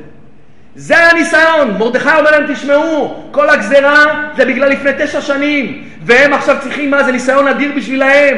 האם להאמין לצדיק או לא להאמין? הצדיק הרבה פעמים אומר לאדם דברים הפוכים מהשכל, זה הבחינה של הניסיון שלו, להאמין או לא להאמין. ולא רק יהודי שושן היה להם ניסיון, אלא גם אסתר. למה אסתר? היא עברה את אותו ניסיון. כי מרדכי מה אומר לה? אומר לה, תשמעי אסתר, את עכשיו הולכת למלך, היום בערב את הולכת למלך. אסתר שומעת את הדברים של מרדכי הצדיק, אומרת לו, מרדכי, תגיד לי, אתה מחילה, אתה יודע מה אתה מדבר? יש חוק במלכות אחשורוש של לבוא אל המלך ללא הזמנה מוקדמת. ומי שיעז להפר את החוק ולהיכנס אחת דתו, להמית, אלא אם כן יושיט לו המלך את שרביט הזהב, ואני מוכנה לסכן את עצמי. אבל אני חושבת שעכשיו זה לא הצעד הנכון. מה קרה לך? מרדכי אומר למי? מרדכי אומר לאסתר, היום את הולכת. הוא אומרת לו, למה היום? הרי מתי היה הגזירה? בניסן. הם התחילו לגזירה באדר, ועבר סך הכל חודש. כי כל הצום שהם עשו זה היה בליל הסדר. אז עבר רק חודש מהגזירה, יש עוד 11 חודשים עד שהגזירה תצא לפועל. אז היא אומרת לו למרדכי, תחכה, יש עוד 11 חודשים, בטוח שהמלך יקרא לי בהיתר. למה שאני אכנס אליו עכשיו הוא יכעס? וכל ההצהרה של עם ישראל בסכנה. וככה זה היה ניסיון למי? לאסתר. ולכן מן הסתם יקרא לי המלך בימים הקרובים, ואז אני אוכל לשטוח לפניו את בקשתי. לעומת זאת, אם אני אנהג כמוך, כמו מרדכי, ואבוא מיד אל המלך, יהיו חיה בסכנה, ואף גם הצלת עם ישראל תהיה מוטלת בספק גדול. לכן אומרת אסתר למרדכי, אני חושבת שצריך להמתין להזמנתו של, של המלך. כשמרדכי שומע את תשובת אסתר, הוא שולל אותה מכל. הוא באמת מי שמתבונן, בטוח שמי צודק? אסתר! היא צודקת, היא שיש עוד 11 חודש. מרדכי, מה, אתה נורמלי? מה, עכשיו להיכנס אליו? אתה סתם עכשיו מה? איך אומרים, אתה מעיר את הדוב שהוא יושן? יש עוד זמן, אני אכנס אליו, אנחנו נהיה ימים טובים, הוא, הוא יבקש אותי, אני אבוא לפניו בצורה יפה. אבל מרדכי, מה? מרדכי אומר לה בשום פנים ואופן. ובאמת, אותו דבר כולם גם אומרים למרדכי. אז אסתר בניסיון, וגם כל יהודי שושן בניסיון. כולם אומרים לו דברים של טעם, שבגלל שהוא לא משתחווה המן בא כל הצרות. ועכשיו גם אסתר מה אומרת לו? היא אומרת לו דברים הפוכים. וזה באמת היה הניסיון הגדול של אסתר וכל היהודים בשושן. האם להאמין לצדיק האמת? האם לזרוק את השכל שלו הפרטי וללכת בעיניים עצומות אחרי מרדכי היהודי? ובאמת זה כל הניסיון של האדם בעולם הזה. כל הניסיון שלך בעולם הזה זה האם לזרוק את השכל ולהתבטא לצדיק האמת. זה היה הניסיון עם משה רבנו, זה היה הניסיון עם יוסף הצדיק שחלקו עליו, על משה רבנו חלקו, וכל אדם עובר את הניסיון הזה. הצדיק אומר משהו, הצדיק אומר לך תעשה איזה נקודה, תדע לך, יהיה לך הצלחה גדולה מזה, אבל זה הפוך מהשכל. כל העולם אומר הפוך, מה פתאום, הוא לא צודק, מה אני אלך לפה, מה אני אעשה ככה? האדם אומר, נראה לו בטוח שהצדיק לא אומר אמת, אבל תדע לך, זה הניסיון שלך, וזה הניסיון של, מורד... הניסיון של אסתר וכל יהודי שושן. כי האדם צריך להבין את האפסיות שלו. למה אדם לא מתבטא לצדיק האמת? שהוא חושב שמשהו הוא משהו, הוא חושב שהוא יודע משהו. שהוא, אבל אם אדם יודע שהוא עדיין לא יצא מהתאוות שלו, אז איך הוא יכול לחשוב שהוא צודק? ואיך הוא יכול לדבר על צדיקי אמת? למה האדם לא מתבטא לצדיק האמת? כי הוא חושב שיש לו דעת תורה. איך יש לך דעת תורה? אתה יודע איפה אתה מונח? איפה אתה בתאוות ממון? איפה אתה בתאוות ניאוף? איפה אתה בשמירת עיניים? איפה אתה בתאוות אכילה? אתה רואה איך אתה מתנהג, אתה רואה מה אתה עושה. אז אתה יכול להגיד שיש לך תורה, כי המוח שלך הוא בכלל הפוך לגמרי, הוא מטוב מרע. וזה מה שאומר הזוהר הקדוש במדרש רות, שכשברוך ברוך רצה לברוא את העולם, היה חורק לפניו העולם, ולא היה עומד עד שברא את התשובה. כיוון שברא את התשובה, ברא את העולם, והעמידו על עומדו על עמוד אחד. אומר הזוהר במדרש רות, ואותו עמוד הוא צדיק יסוד עולם.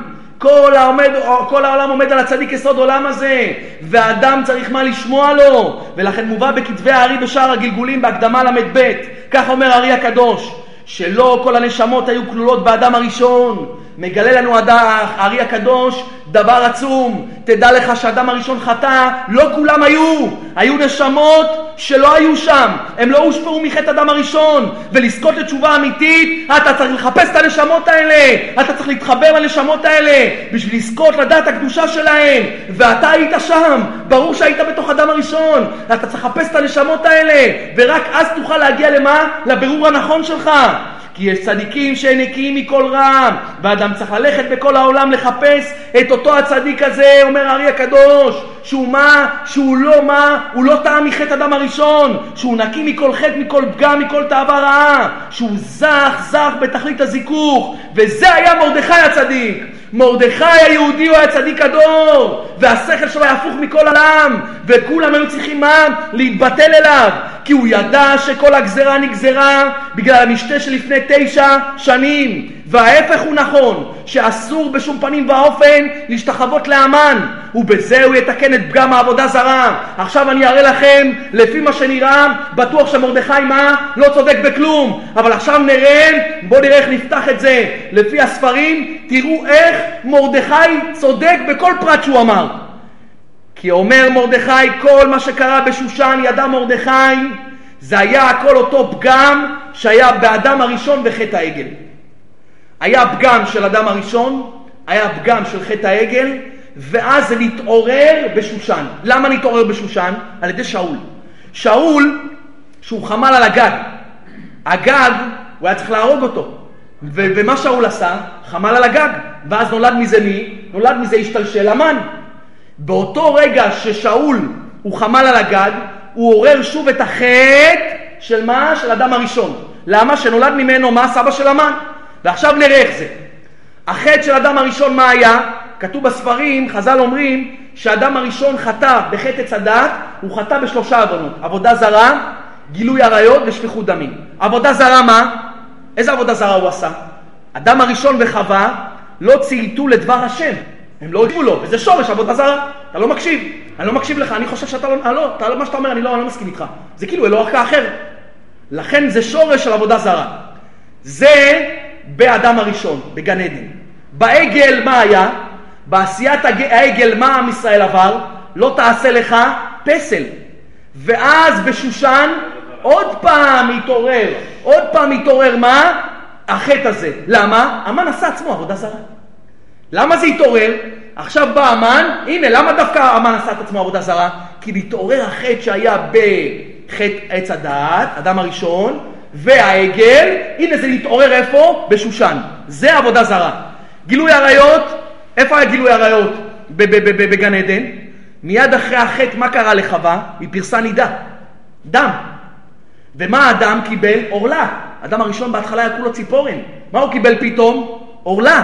אז זה גילוי עריות. בעגל איפה היה גילוי עריות? כתוב וישב העם לאכול ושתו, ויקומו לצחק. ואין צחוק אלא מה? גילוי עריות. למה? כתוב אצל יוסף, בא אליי העבד העברי אשר הבאת לנו לצחק בי. מה לצחק בי? לעשות איתי מה? עבירה. אז רואים מה? לצחק זה לשון של עבירה. עם ישראל בחס ושלום, בחטא העגל, באו לעשות גילוי עריות. איפה זה נתעורר בשושן? ושתי הכריחה את בנות ישראל, מה לשרת ערומות. הנה התעורר, בגלל שהתעורר החטאים האלה, הם עוררו עם ישראל את החטאים, ושתי מה הכריחה? את בנות ישראל לשרת ערומות. זה גילוי עריות. ושפיכות דמים, האדם הראשון החבר על שפיכות דמים, נגזרה מיתה על כל האדם. האדם הראשון לא היה צריך למות. ואז על ידי שהוא אכל מעץ הדעת, נגזרה מיתה על כל בני האדם. בעגל מה? כתוב בעגל, אני אמרתי, אלוהים אתם. יצאו ממה? מזוהמה של הנחש. הם היו צריכים לחיות לנצח. הגמרא במסכת עבודה זוהרה אומרת.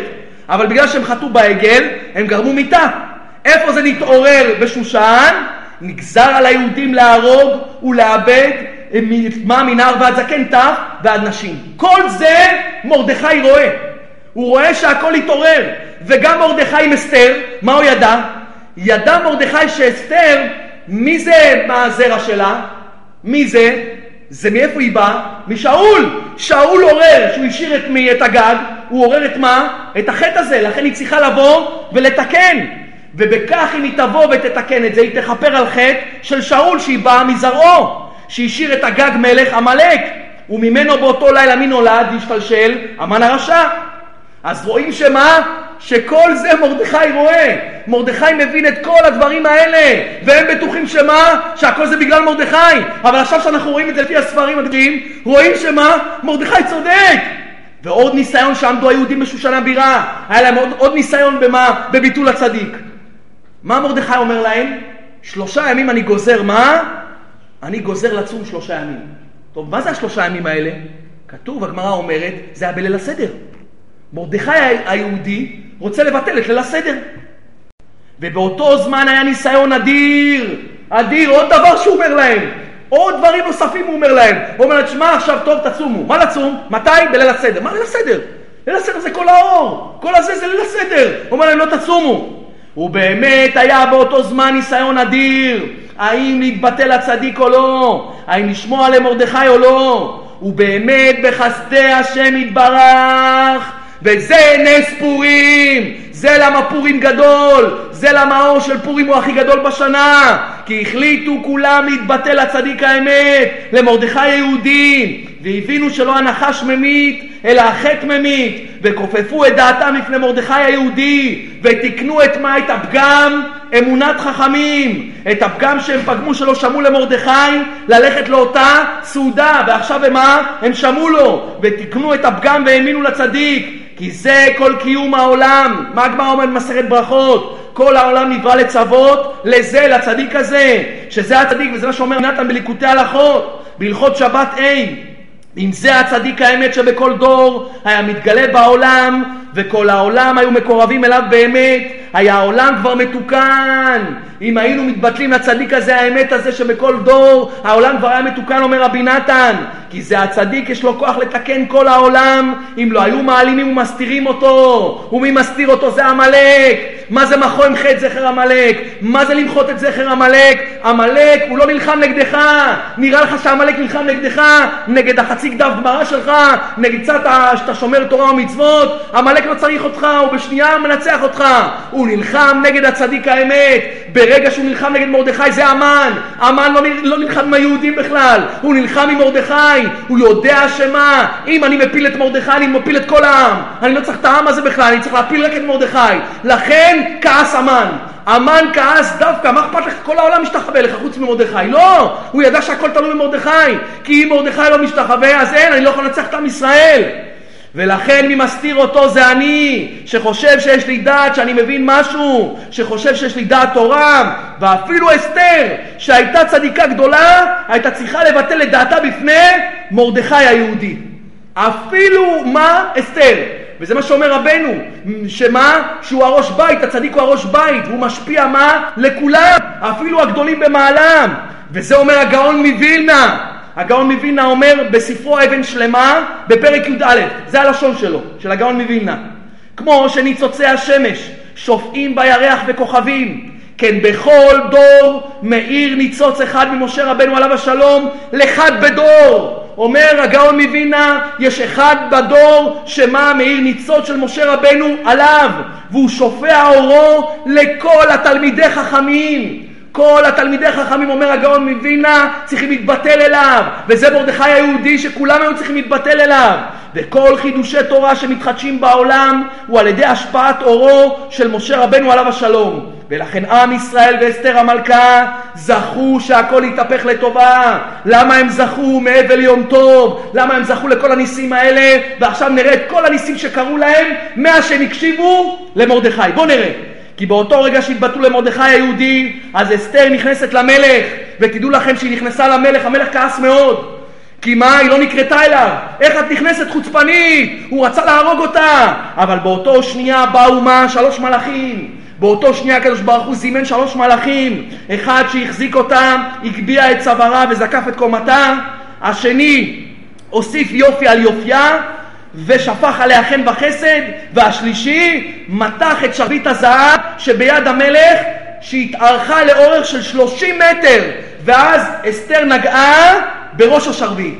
הוא באמת כעס עליה, אבל הקדוש ברוך הוא זימן שלושה מלאכים שעשו לה ניסי ניסים. ואז אמר לה המלך, מה בקשתך? עד חצי המלכות ויינתן לך. ואז היא מזמינה את המן והמלך לסעודה, ובינתיים באותו פרק זמן, מה קורה? נדדה בלילה ההוא, נדדה שנת המלך, אחשוורוש לא מצליח לישון, כתוב שמלאך של השינה בא אליו והיה מעיר אותו כל שנייה, הוא מנסה לישון, לוקח כדורי שינה, לא מצליח לישון, הוא מעיר אותו עוד שנייה, עוד פעם, ואז אחשוורוש מחפש מה? את ספר, ספר הזיכרונות, הוא מוצא שלמרדכי שהציל אותו מבקתן בתרש, לא נעשה כלום. הוא בדיוק מי עומד בחצר? והמן עומד בחצר. שואל את המן, המלך אחשורוש, תגיד לי איש אשר המלך חפץ בעיקרו, איזה גדולה וכבוד כדאי לתת לאותו האיש? ואז המן עונה לו איש אשר המלך חפץ בעיקרו ילבישו בגדי מלכות ישימו לראשו את כתר המלך ירכבו במם ירכבו ברחובות העיר על הסוס שרכב עליו המלך ויקראו לפניו ככה יעשה לאיש אשר המלך חפץ בעיקרו. ואז המלך אומר לאמן כל מה שאמרת תעשה למרדכי היהודי. אחר כך המן מה מגיע למשתה? מבוהל, מבולבל, מטונף ואז אסתר מה? מגלה למי? מגלה לאחשוורוש כי יש איש צר ואויב שרוצה להשמיד ולהרוג ולאבד אותי ואת עמי הוא מצביע על מי? על המן ובסופו של דבר מה? המן נתלה על העץ אשר הכין עם ישראל זוכה לניסי ניסים. ליהודים הייתה רואה בשמחה, רבים מעמי הארץ מתייעדים, עם ישראל הורג באויביהם, 75 אלף איש, עשרת בני המן נתלים, קובעים את, פיר, את פורים לשמחה לדורות, ומאותו נס זוכים לבנות את בית המקדש אחרי שייסדו אותו והפסיקו באמצע. תראו מה זה, כמה ניסים. עם ישראל, מי שהחליט, אני מבטל את הרצון שלי, אני כבר פה כלום, אני אין לי שום דעה, אני לא מבין שום דבר, אני מבין אולי באור באוכל, אני מבין, אולי בשטויות, אני לא מבין בכלום, רק הצדיק יודע מה עושים. אני מוריד את הראש למרדכי. ברגע שעם ישראל החליט, די, אנחנו מתבטלים לצדיק האמת, תראו כמה ניסים קרה, אחד אחרי שני שרשרת. וזה מה שהגמרא אומרת גם במסכת שבת, שממעמד הר סיני הקדוש ברוך הוא נתן לעם ישראל את התורה שכפה עליהם הר כגיגית. בהר סיני הם זכו מה? לתורה למשה רבנו, הר כגיגית, בכפייה. ומה שאמרו כל אשר דיבר השם נעשה ונשמע, זה הולך על מה? על תורה שבכתב. אבל תורה שבעל פה, שיש בה הרבה דקדוקי מצוות וצריכה עמל והגיעה, הם לא רצו לקבל. עד שקיבלו אותה מתי? בימי מרדכי היהודי. שכתוב במגילה וקיבל היהודים את אשר החלו לעשות. מה אומרים חז"ל? מה שהם התחילו לקבל מה? לעשות במעמד הר סיני פה, הם קיבלו את זה במה? בשמחה. ולכן זכו לקבל את התורה בשמחה, בלי כפייה. ולכאורה נשאלת השאלה, מה מיוחד בפורים? למה זכו לכל המעלות הנשגבות האלה, ואפילו הגיעו למעלה כביכול יותר גבוהה ממתן תורה? הם זכו לקבל את התורה בשמחה. אלא באמת כל מה שזכו עם ישראל זה בגלל הביטול לצדיק, הביטול למרדכי היהודי. אדם שמתבטל לצדיק יכול לזכות לכל הניסים, יכול לקבל את התורה מאהבה, לעבוד השם במדרגה של אהבת השם, לא מהירה. כי בזכות הביטול לצדיק האמת זכו לגלות השם בתוך הטבע. כי למה? כי כתוב שכל המועדים התבטלו לעתיד לבוא חוץ מפורים. לכאורה למה? מה מיוחד בפורים? אלא מה שונה מפורים מכל החגים? פסח, שבועות, סוכות, אלא בכל החגים ראו את השם עין בעין. פסח, שבועות, סוכות היה ניסי ניסים, על הים, סוכות עננים, שבועות מתן תורה, אבל בפורים אפילו שם השם לא הוזכר במגילה, רק ברמז, בראשי תיבות. כי זה כל העבודה של האדם בעולם הזה, זה העולם הזה הסתרה, למצוא את השם יתברך בתוך ההסתרה. ומתי זכו עם ישראל לזה? בפורים, למצוא את השם יתברך לא מתוך ניסים, כי מה החוכמה למצוא את השם? לא שהשם עושה לך ניסים, לא שהכל הולך לך בחיים. מתי אדם נמדד באמונה בשם? מתי אדם זוכה באמת לביטול השם? שהוא מוצא את השם יתברך מתי? בתוך הקשיים, שלא הולך לך, שאין לך פרנסה, שאין לך שלום בית, שאין לך בריאות, הכל הפוך מהשכל. בוא נראה אותך תמצא את השם. השם, הם מצאו את השם, זה פורים, וזה הכל על ידי מי? מרדכי הצדיק. הכל בגלל הצדיק, הם התבטלו לצדיק, אתה מתבטל לצדיק, אתה יכול למצוא את השם, ואפילו בהסתרה שבתוך הסתרה. ואפילו בתוך זה אתה יכול למצוא. הצדיק האמת, ולכן כתוב שכל ספרי הנביאים וכל הכתובים עתידים להיבטל. כתוב במדרש שכל הכתובים וכל הנביאים עתידים להיבטל לימות משיח. כל הספרים. יישאר רק חמישה חומשי תורה ומגילת אסתר. למה? לכאורה היא תהיה קיימת כמו חמישה חומשי תורה, כמו תורה שבכתב. מגילת אסתר כמו תורה שבכתב? ולמה? כי מה אמרנו בהתחלה? בואו נקשור את הכל להתחלה. מה אמרנו בהתחלה? כל מעמד הר סיני היה בשביל, וגם בך יאמינו לעולם. כל מעמד הר סיני שקדוש ברוך הוא עשה, זה בשביל בך יאמינו לעולם, במשה רבנו, בצדיקי אמת שיבואו אחרי זה. כי כל מה שהצדיק אומר זה ממש דברי השם, ויאמינו בשם ובמשה עבדו. כל האמונה בשם תלויה במה? במשה עבדו. לכן חכמים אמרו שמגילת אסתר זה כמו חמישה חומשי תורה, כי שם זכו עם ישראל להתבטל לצדיק האמת למרדכי, וכל דברי הצדיק האמת זה הכל דבר השם יתברך. בפורים זכינו מה? לכל העניין של מעמד הר סיני. השם יתברך הביא מעמד הר סיני בשביל שנתבטל לצדיק. בפורים זכינו להתבטל לצדיק, אז זה כמו תורה שבכתב. זה ממש כמו חמישה חומשי תורה, אז לכן המדרש אומר שזה לא יתבטל.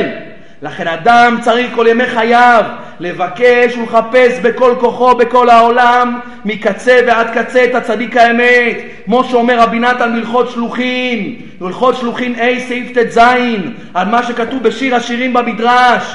כתוב בשיר השירים עקום מנה והסובבה בעיר בשווקים וברחובות אומר המדרש, מה זה בשווקים וברחובות? בכרכים ובמדינות. אדם צריך ללכת, תקום ענה והסובבה בכרכים ובמדינות. אבקשה את שאהבה נפשי, אומר המדרש, מי זה תאווה נפשי? מי זה הבן אדם הזה שאני מחפש אותו שאהבה נפשי? זה משה, אומר המדרש. הקום ענה והסובבה בעיר, אבקשה את שאהבה נפשי. מי זה שאהבה נפשי? זה משה רבנו. ביקשתיהו ולא מצאתיהו, לא מצאתי אותו. כי צריכים, אומר רבי נתן, לבקשו ולחפשו מאוד מאוד בעיר ובשווקים וברחובות ובכרכים ובמדינות כי בכל העסקים שעושים אין תורה ותפילה ומצוות ומעשים טובים ואין משא ומתן ושאר עסקים. צריך לכוון בכל עשייה שעושים ובכל דרך ועיר וכרך שעולים אולי אני אזכה על ידי עסק ונסיעה זאת למצוא את שאהבה נפשי. אומר רבי נתן כל החיים בבקשה את שאהבה נפשי. כל מקום שאתה הולך אתה צריך לזעוק איפה השאהבה נפשי? איפה משה הזה שזה משה שהוא בחינת הצדיק האמת כי כל חיותו ותקוותו לנצח וזרעו בכל דורותיו. אומר רבי נתן כל תקוותך לנצח וכל זרעך וכל הדורות שבאים אחריך עד סוף כל הדורות וכל הנפשות והעולמות תלויים בו ובזרעו כולם תלויים במי? בצדיק האמת. לכן עם ישראל זכה בפורים למה לך כזה גדול שיותר גדול מיום הכיפורים שעתיד לבוא לא יתבטל. למה? כי הם התבטלו לצדיק האמת. הם קלעו למטרה שהשם יתברך מה עשה? את מעמד הר סיני. ועל ידי זה הם זכו לכל הישועות האלה. ברוך הוא יעזור השם להתחזק בנקודה הזאת. לזכור להתבטל לצדיק האמת בעזרת השם יתברך וכן יהי רצון ונאמר אמן